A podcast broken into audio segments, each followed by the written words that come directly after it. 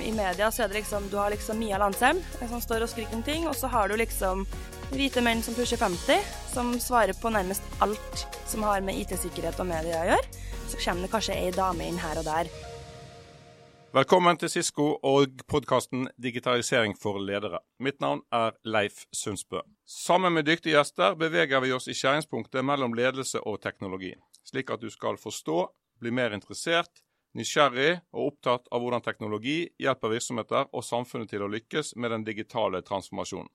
Et tilbakevendende tema når vi snakker om digitalisering, er sikkerhet. IT-sikkerhet som sådan. Norge er jo et yndet land for utenlandske cyberkriminelle. Vi er påkobla hele tiden. Vi er rike og naive. I løpet av de siste 10-15 årene så har stadig flere tjenester blitt gjort tilgjengelig kun digitalt. Det fjerner friksjon og øker effektiviteten på den ene siden, men det gjør oss også mer sårbare på den andre siden, og det er bare starten. Et grep flere og flere tar for å påse at sikkerheten er god nok, er å bestille cyberangrep fra etiske hackere. Som f.eks. gjesten vår i dag, Mia Landsem. I rikspressen kanskje mest av alt kjent for å avsløre dem som stjeler nakenbilder, men innenfor sikkerhetsbransjen kjent for å være en rasende dyktig etisk hacker. Såpass dyktig at hun ble finalist som årets Cyber Security Woman of the Year og da ikke bare i Norge, men i hele verden.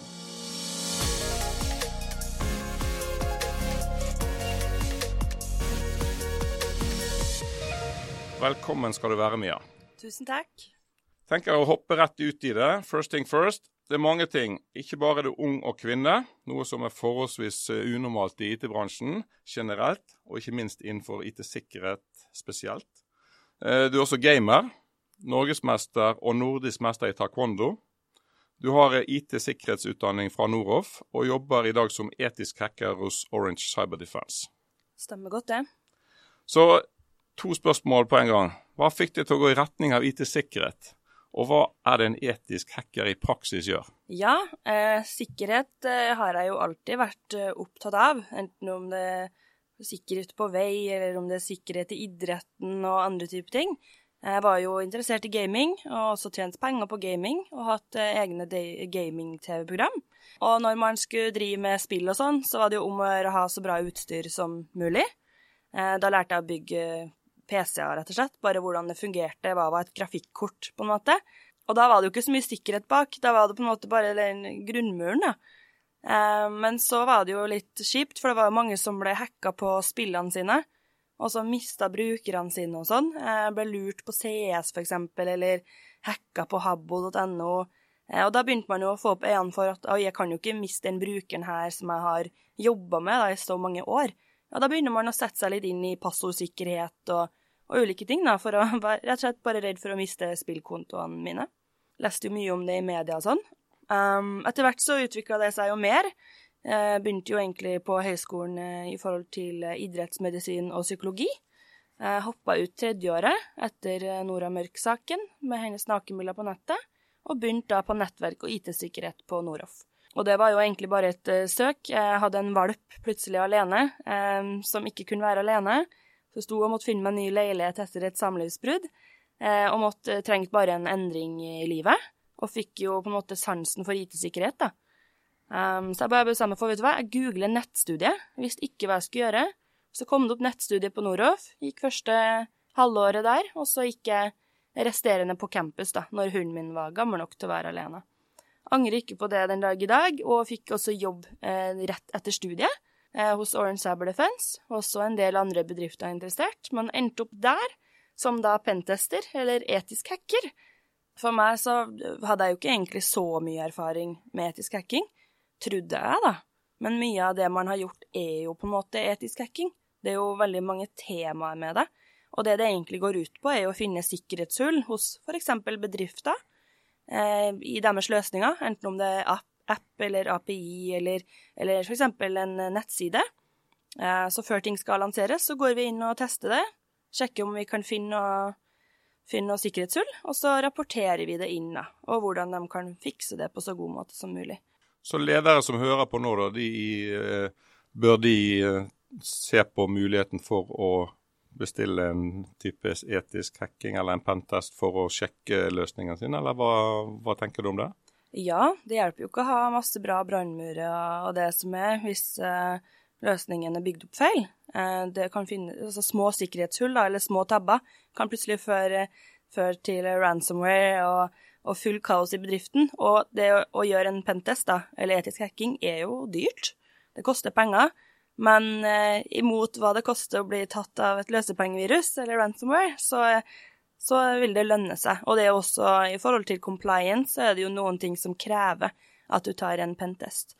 Um, I tillegg så har du jo på en måte en social engineering pentest, da, eller sosial manipulasjon, som er mitt eh, spesialfelt, der vi også gjør fysiske innbrudd hos bedrifter. Uh, og har lykkes med alle de oppdragene, egentlig. Veldig morsomt. Uh, og gjør også phishing-øvelser, da. Det hjelper jo ikke å bare ha awareness på phishing på ansatte hvis man ikke også blir testa på det. Nei, og det, det, med social engineering er også et interessant område. For det er jo også Det må jo se totalsikkerheten oppi dette, ikke bare den, på den digitale biten av det. da. Ja, de menneskelige faktorene er jo på en måte de svakeste. Vi kan ikke programmere som roboter til å ikke trykke på en link. Eh, vi kan gjøre så mye trening vi vil, men det hjelper jo ikke. Og det hjelper ikke å ha brannmurer og gjøre pentester hvis jeg står på serverommet deres dagen etterpå. Eh, så det syns jeg er litt undervurdert. Eh, det. Og det er jo såpass store oppdrag at det jo, kan ta ukevis å planlegge, da, hvis du vil ha en skikkelig øvelse. Eh, komme meg inn på både datasenter og kontorer til IT-bedrifter.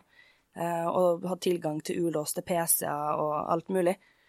Ja, for når du gjør det, så er det jo noen ansatte da, i virksomheten som slipper deg inn, da, faktisk? Ja, vi gjør jo OSINT, Open Source uh, Intelligence Gathering, som vil si at vi bruker åpne kilder til å finne informasjon eh, om alle som jobber der. Og med LinkedIn og alt, eh, og at bedrifter liker å skryte om store planer og wins i media, så er det veldig enkelt å fabrikkere en historie.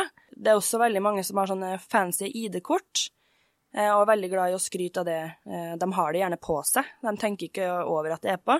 Eh, det tok meg 24 timer og 1400 kroner å klone hele kortet til en bedrift ut ifra Google-bilder. Og da fikk vi oss rett inn.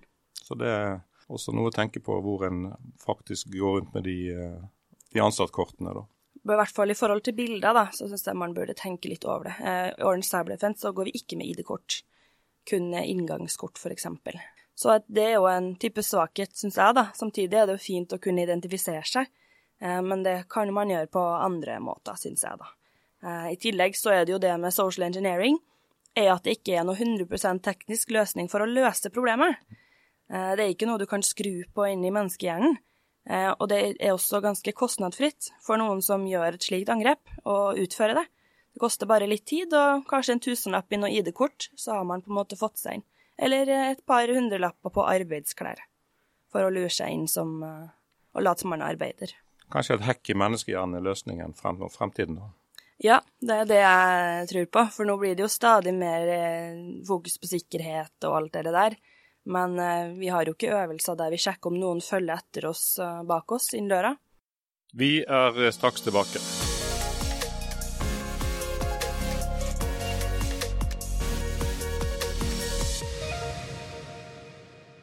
gå litt tilbake på det vi snakket om innledningsvis, eh, Mia. Eh, det er jo vel, relativt få kvinner i IT-bransjen, og, og, enda færre innenfor IT-sikkerhetsbransjen. Og begge deler er det jo et stadig økende behov for. Eh, var det vanskelig å lande den første jobben for deg? For meg så var det ikke så vanskelig. Um, selv om jeg ikke har bachelor, så er det jo for det første er det jo ønska med flere kvinner i bransjen. Det har jo vært i media på lenge. Uh, spesielt innenfor tekniske jobber. Det er jo mange damer som jobber med IT-sikkerhet, men ikke like mange som faktisk sitter med det tekniske. Det er mange som sitter på salg og marketing og eh, kanskje mye compliance og sånn, men i forhold til å f.eks. konfigurere brannmurer, VPN-løsninger eh, og i hvert fall pentest, så er det jo enda færre. Jeg kjenner ikke mange kvinnelige pentestere her i Norge. Eh, vi har to stykker hos oss, og så kjenner jeg noen eh, par bedrifter som har det også. Og selv om det øker med kvinner som søker IT-studier og sånn, så så er, det jo ikke nok. Det blir aldri nok. Men det var enkelt, eh, ganske enkelt for meg. Jeg skrev et innlegg i IT-sikkerhetsgruppa på Facebook og bare spurt om tips, for jeg visste jo ikke Jeg hadde hørt at man må ha bachelor eller master for å egentlig få en jobb i det hele tatt. Og jeg visste ikke hva jeg skulle gjøre, jeg hadde ikke noen planer, jeg visste ikke hva jeg ville jobbe med. Så jeg bare spurte hva jeg anbefalt jobb for noen som er ferdigutdanna. skrev jeg da i 2020. Og da rente jo det på med meldinger fra SISO-er, sjefer og alt mulig, da. Så det var vel alt syv-åtte selskap som kom med tilbud allerede den uka. Så var jeg på intervjuer hos noen, og så landa jobben hos Orange, da. Du er jo mest, eller kjent mest, som, mest kjent som den digitale detektiven. Og, sånn, var det utslagsgivende karrieremessig, det du hadde gjort på forhånd, og, og den merkevaren, personlige merkevaren du hadde bygd opp i sosiale medier? Ja, eh, det tror jeg nok. Eh, både det at jeg er kvinne og at jeg var kjent fra før, er nok så klart eh, noe arbeidsgivere ser etter også. Man får jo PR og litt forskjellig. Derfor var det viktig for meg under intervju å på en måte få, få bort ugresset. Skjønne hvem var det som egentlig har tenkt å ansette meg kun for å bruke meg til foredrag eller andre ting. Hvilke, hvilke selskap var det som virkelig trodde på det jeg selv tror på, og som skulle være der og støtte meg når jeg trenger det. Og da landa det jo som sagt på Orange, eh, som har eh, veldig mye av de samme tankene om en tryggere digital hverdag. Og det å ha en arbeidsgiver bak seg også, som støtter deg, eh, og som tror på det du gjør. Men absolutt det å, at du er out there og, og snakker og prater og får oppmerksomhet, vil jo også bidra til eventuelt jobb. Du vil jo skille deg ut blant de andre søkerne spesielt med IT som er teknisk, så har vi jo noen som nærmest ikke er på Facebook heller. Um, og da, da, er det ikke sikkert de får vist alt de kan. Ja, så Anbefalingen din er til eh, nye, nyutdannede i hvert fall å, å vise, være synlige der ute da, på sosiale medier og si litt hva de, hva de, hva de kan? Ja, eh, det er jo i, i, media så er det liksom Du har liksom Mia Landsem eh, som står og skriker om ting, og så har du liksom eh, ja, hvite menn som pusher 50, som svarer på nærmest alt som har med IT-sikkerhet og media å gjøre. Så kommer det kanskje ei dame inn her og der. Det vil vi på en måte få ut litt, så klart skal de få lov å ytre seg fortsatt, men vi trenger også at studenter og nyutdannede som har et annet syn på IT-sikkerhet, også kommer på ballen. Vi har noen få studenter som både er 18 og 19 år, som bemerker seg i media ved å f.eks. utpeke eh, sikkerhetshull hos norske bedrifter og nettsteder, og det syns jeg er utrolig kult. Eh, de kommer jo med ny erfaring, eh, nytt pensum osv., så, videre, så de må absolutt bare tørre å diskutere. Og så på en måte bare drit i, i de der som skal komme med, med, med, piss tilbake, da. Det er jo mange som ikke liker de her yngre som kommer frem. Det har jeg fått kjent på kroppen selv som ung kvinne. Um, så det er en del, en del gubber ute der som ikke liker det jeg driver med. Men du gjør veldig mye forskjellig i dag. Du holder foredrag både for voksne og, og barn, og du er forfatter av boken 'Trygg på nett'. Mm. Eh, og så er du jo ansatt hos Orange Cyber Defense, som vi har snakket om. Eh, hva er det hva du gjør gjennom dagen og uken? Alt jeg gjør, jobber. Jeg er jo bare 24, uh, men jeg føler meg som er 70 år gammel kjerring iblant. Uh, jeg jobber hele tida. Jeg har jo ADHD, uh, så jeg har mye energi til overs så hadde nok ikke klart meg uten den diagnosen på det jeg gjør. Jeg driver jo Landsem AS, et aksjeselskap, der jeg holder foredrag og eh, reiser Norge rundt, egentlig. Nå er det jo litt mindre siden jeg er fulltidsansatt hos Orange, men før det så hadde jeg jo nesten opptil 100 reiser i året mens jeg ennå var student. I og med skolen min så kunne jeg ta med PC-en overalt.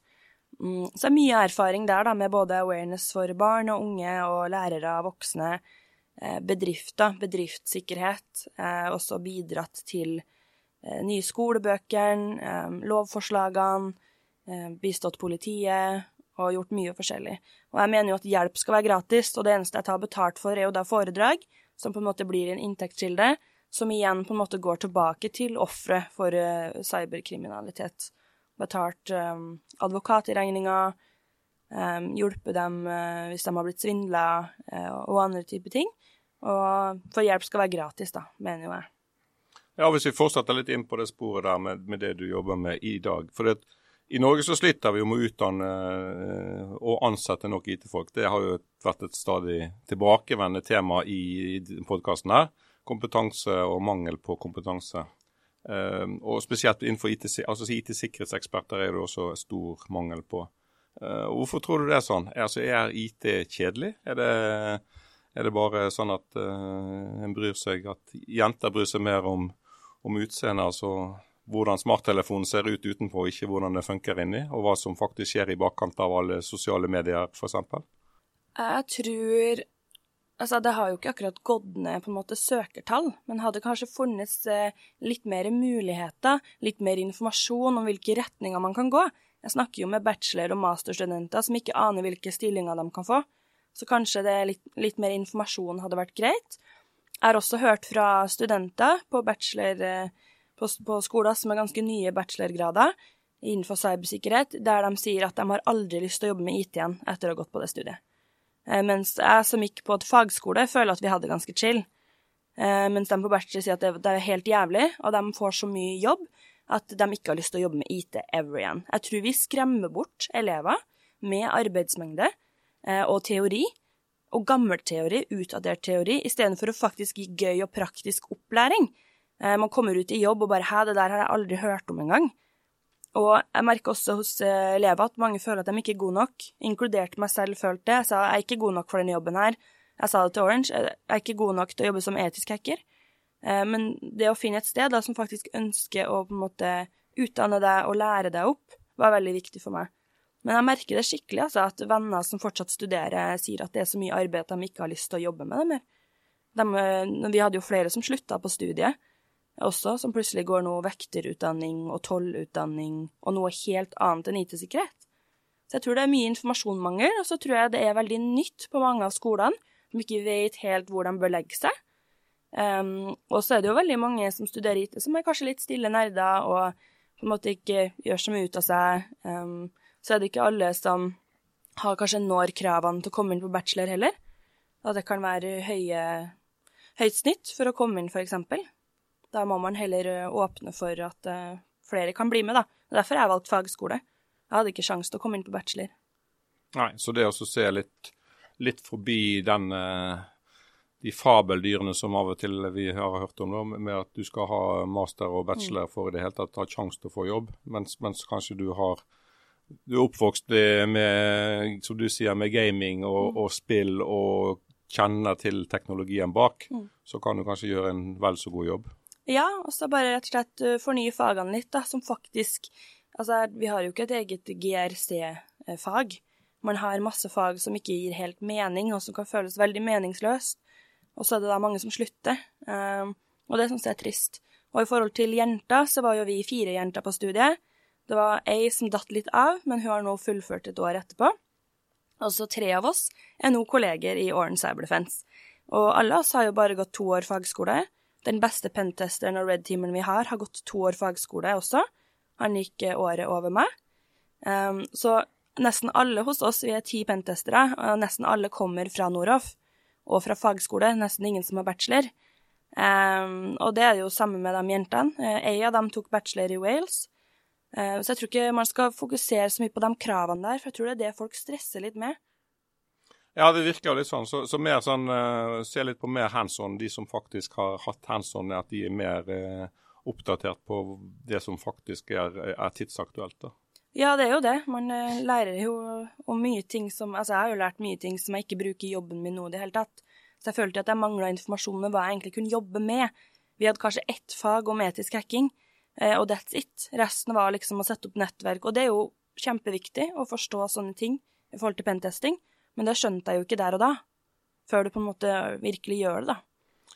Men det med jenter også, altså Kvinnenettverket Oda har jo jobbet nå i snart 30 år med å øke kvinneandelen i IT-bransjen. Har, har, det egentlig endret seg i løpet av de 30 årene? Så vidt jeg har lest, så har det vel gått opp. Og det er jo mer eh, balanse på kjønnene. Hos oss så har vi jo nesten sikkert 40% damer, eh, de fleste i tekniske posisjoner eh, hos Orange. Men uh, jeg prøver også å bidra på mitt der. Holde sånn uh, forbildetaler på jenter- og teknologidager. Og det er også viktig å ha sånne dager og vise virkelig hva man kan gjøre, da. Uh, men så er det jo det veldig mange bekymrer seg for, er jo at man blir på en måte hata på av, av menn i miljøet. Jeg har jo starta um, Women in Cybersecurity in Norway. Nå er vi en gruppe på snart 200, og vi skal ekspandere det. Det skal være utenfor alt sånn eh, organisasjon. Det skal bare være et fritt sted, og man kan tale fritt.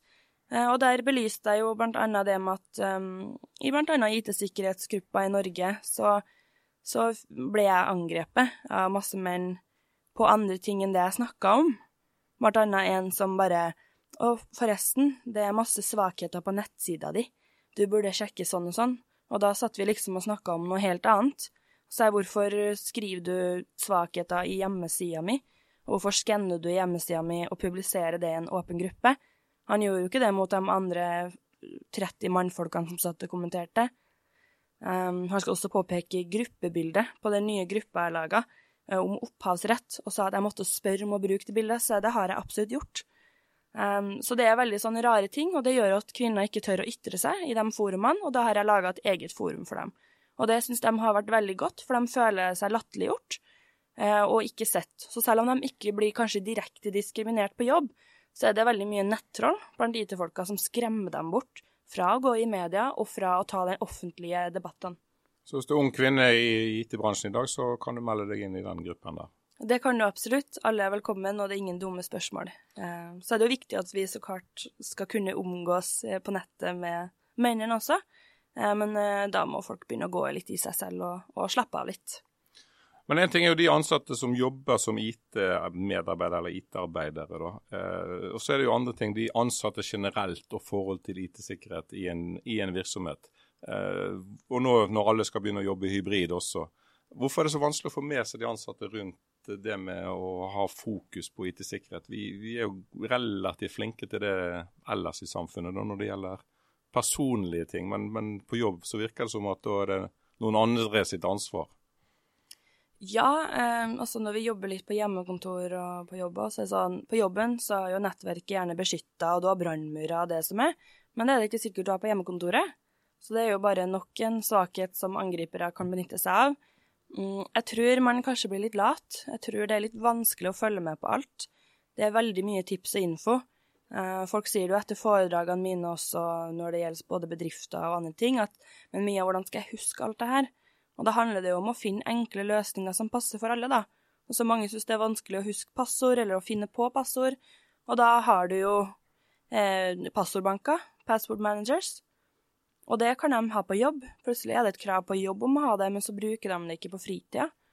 Og det er litt merkelig. Sånn som journalister, de bruker jo sin private Facebook eh, for å kontakte kilder og offentlige personer. Eh, og da hjelper det ikke at du har totrinnssikkerhet på jobbmailen din Eh, og brukeren din på adressa eller nrk.no eh, når Facebooken din står helt åpen. Og da er det jo lekkasje av eventuelle anonyme vitner også.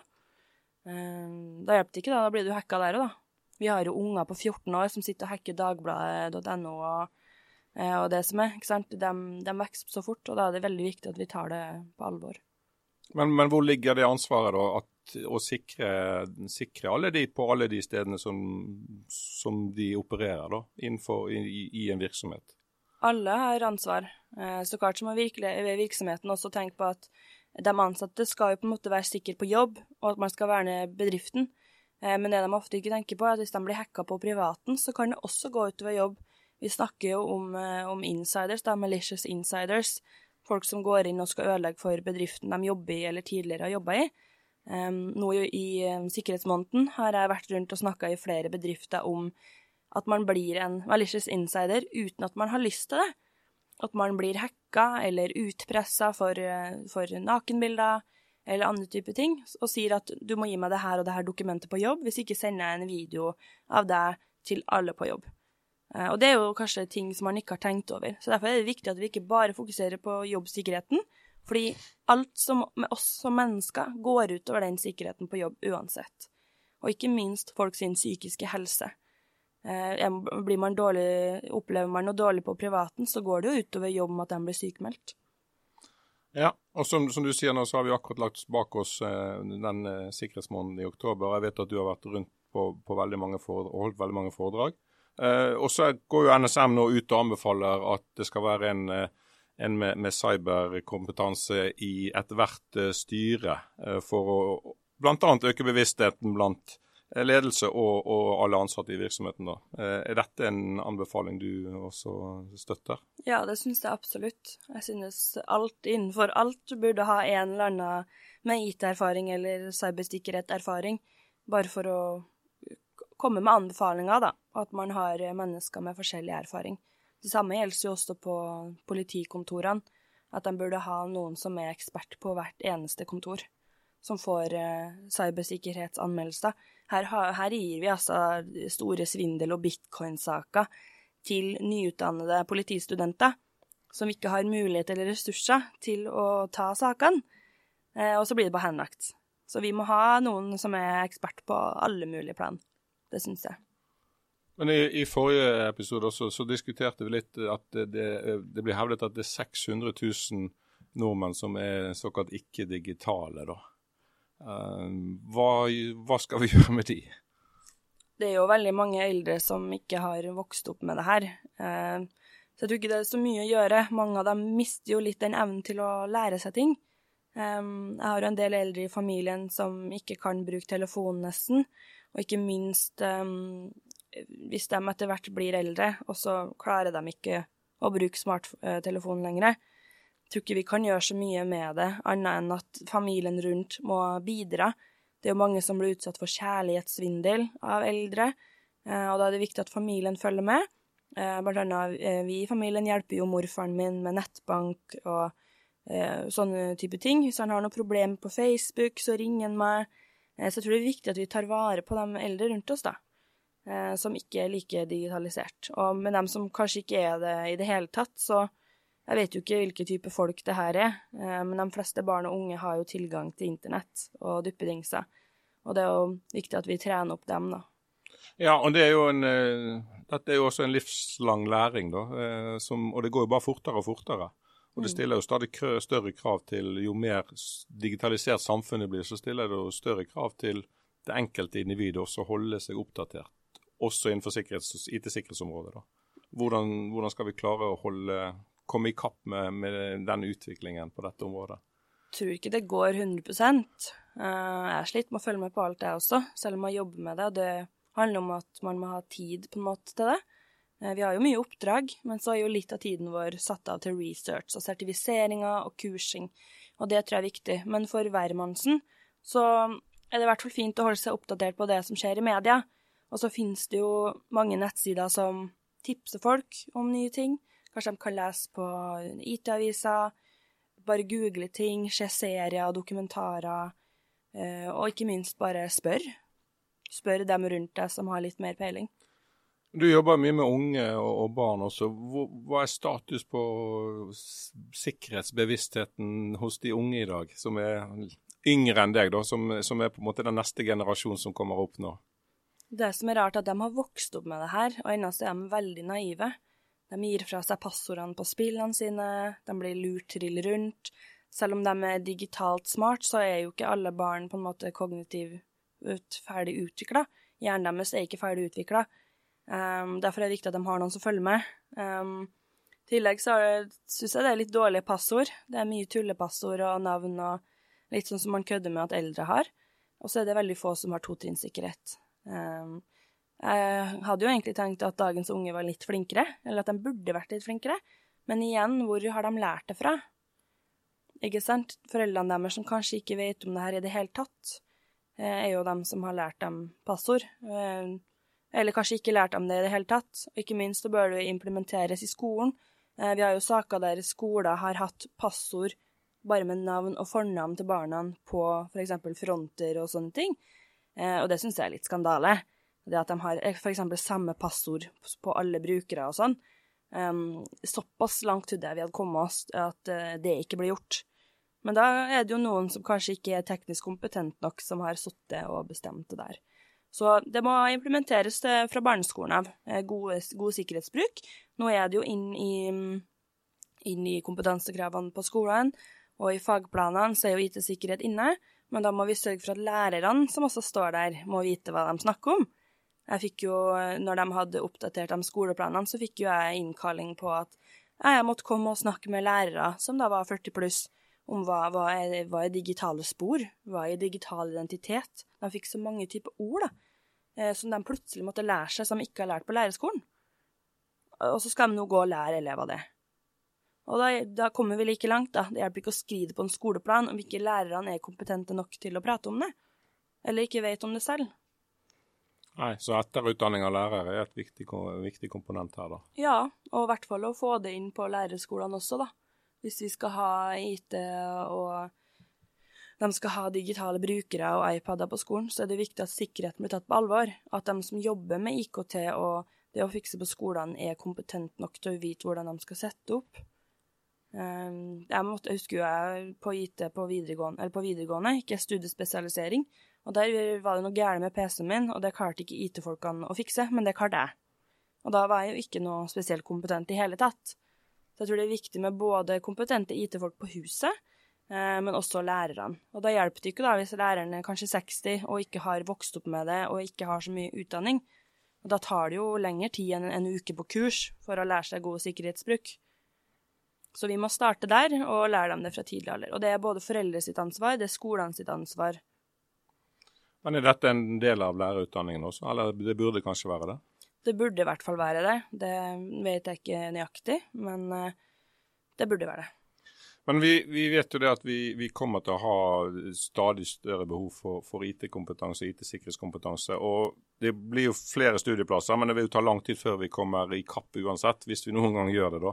Eh, og, og, Hva kan vi gjøre i mellomtiden? da? Skal vi håpe på kunstig intelligens da, eller uh, hacking av menneskehjernen? Eller skal vi også uh, hire for attitude and train for skills, som det heter? tenker man må bare ta imot den arbeidskraften som finnes nå, eh, og bare jobbe med rekruttering og positiv omtale i media.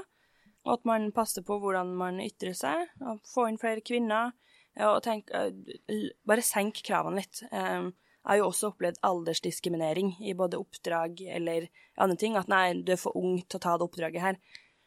Før de i det hele tatt har snakka med meg. Um, og da, da, blir det litt sånn Skal det bare, bare være de 40 pluss da, som skal få alle oppdrag? Og så sitter vi faktisk med arbeidskraften. Og vi sitter med unge nyutdannede som ikke ennå har fått seg jobb. Det er jo flere i klassen min fra Nordås som sliter med å få seg jobber fordi de bare har to år fagskole.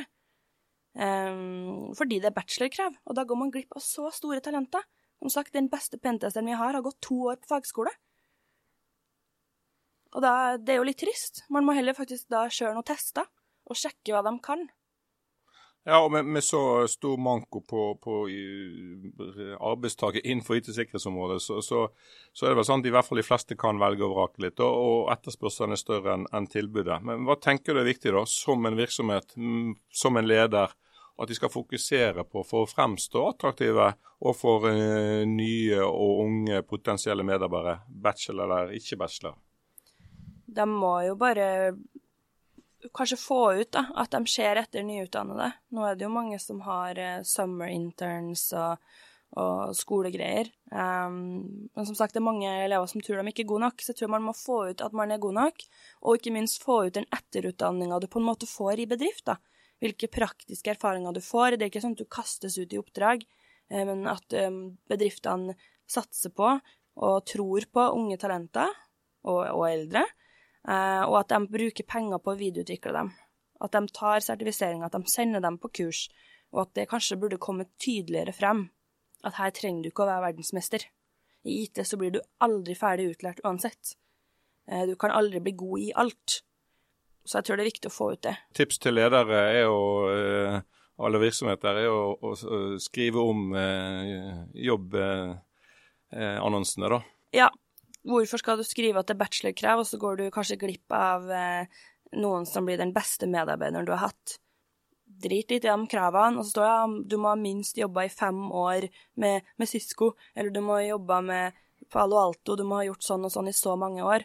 Og da går du kanskje glipp av unge, nye talenter, som også kan bli helt rå på det der. Så det syns jeg er trist. Det står mye sånt. Jeg husker når jeg søkte og så på jobber, og det var liksom bachelor, master.